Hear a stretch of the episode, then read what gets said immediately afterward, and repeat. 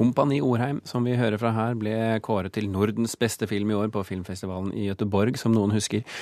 I kveld har den norgespremiere på den nye filmfestivalen Filmfest Oslo.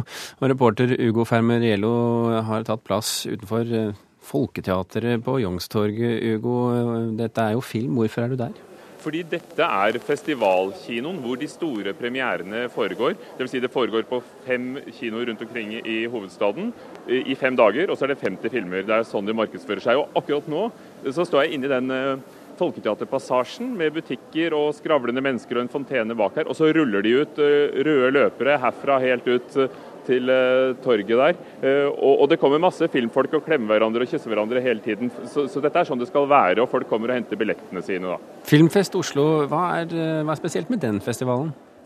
Det er en anledning til å se filmer som eh, kanskje ikke kommer på kino, eller se de som kommer litt før alle andre. Og da får du ofte møte regissørene eller en skuespiller som Ben Kingsley, som vi akkurat møtte her i Kulturnytt. Eh, og så prøver de å gjøre det til en sånn folkelig festival med kommersielle filmer, altså filmer med, med bred appell og, og, store stjerner. Og så er det jo nytt at det finnes denne typen festival i Oslo, i hvert fall har det ikke vært prøvd på lenge. Så det skal bli eh, verdenspremierer på f.eks. en film som heter 'Alle mine triste horer' av Henning Carlsen. Det er han eh, kjente danske regissøren som laget uh, 'Sult' på 60-tallet etter Hamsuns roman.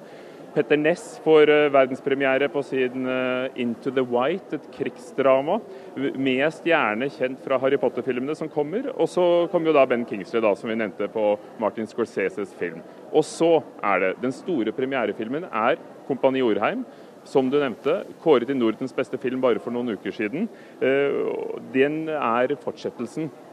Men egentlig begynnelsen i historien, men den føyer seg inn i filmene om Jarle Klepp. Her heter han Jarle Orheim, eh, etter Tore Renbergs romaner. Og var jo en suksess som bok, for den solgte 110 000 eksemplarer. Alle disse bøkene om Jarle har solgt over 400 000 eh, bøker.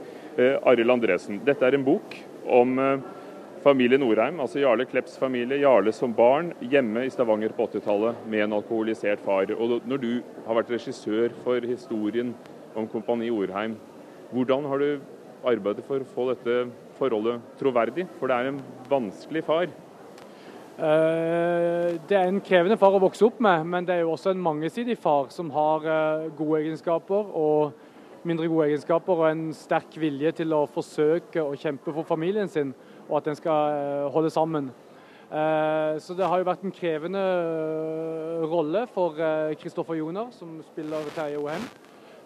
Og også for familien hans, som er gestalta av Cecilie Mosli og Vebjørn Enger, som debuterer da i hovedrollen som Jarle Orheim.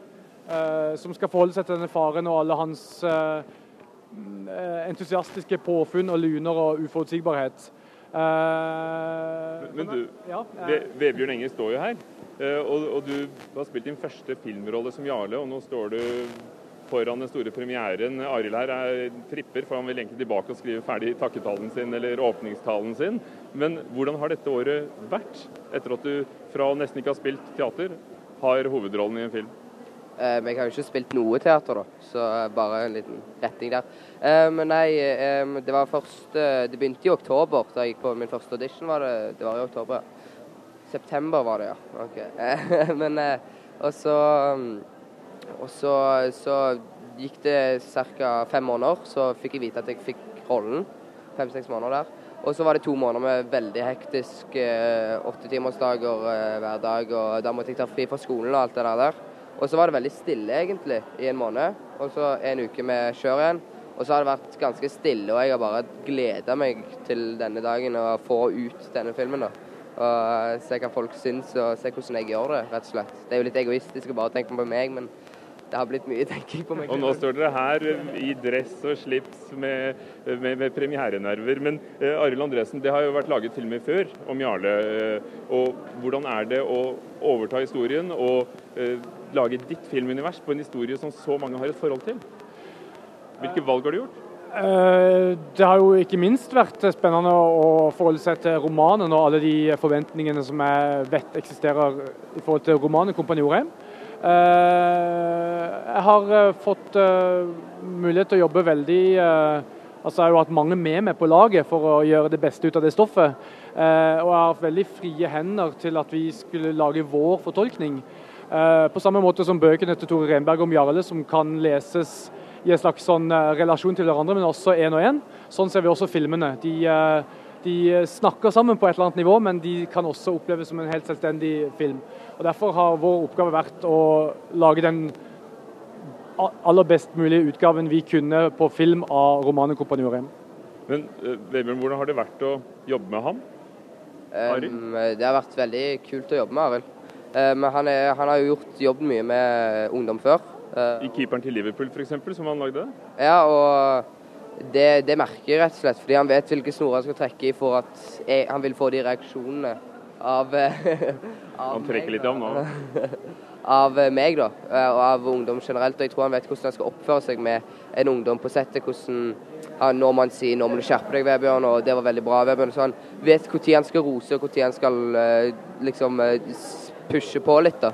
Og, men, Men du, du er jo et barn av 2000-tallet. Du er jo 15 år gammel. Hvordan syns du det var å leve på 80-tallet for en liten stund? Nei, Det var uh, helt grusomt, nei da. det, var, det var ganske greit. Det er jo det er jo egentlig ganske likt dilemmaer og sånt. Det er jo ganske likt, bare nå har man eh, telefon og internett og alt det der. der. Vi hadde telefon, men det var tråd i dem, altså? Det var tråd igjen, ja. Hvordan har dere gjenskapt 80-tallet? Oi. Eh, nei, det er jo alt fra biler, interiører, hus, gate, klær, frisyrer, eh, musikk. Det, en, eh, det, er jo en tid jeg husker ganske godt, og det har vært en eh, deilig tidsreise tilbake til til mine egne yngre år, og eh, fantastisk uh, spennende å jobbe med det. Takk skal dere ha, Arild Andresen, regissør for Kompani Orheim, og Vebjørn Enger, som spiller altså Jarle. Og nå stimler det faktisk eh, sammen folk her. Den røde løperen er ute utenfor Folketeatret i Oslo, hvor Filmfest Oslo begynner, fordi denne premieren foregår klokken 18. Ikke så lenge til, med andre ord, Hugo Fermariello. Takk for at du eh, var med nede fra Youngstorget i Oslo, Folketeatret-bygningen der. Eh, vi kan da avsløre at Kulturnytt i morgen har anmeldelsen av Kompani Orheim, og det er vel ikke til ja, Jeg kan avsløre i dag at vår anmelder er rimelig begeistret for den filmen.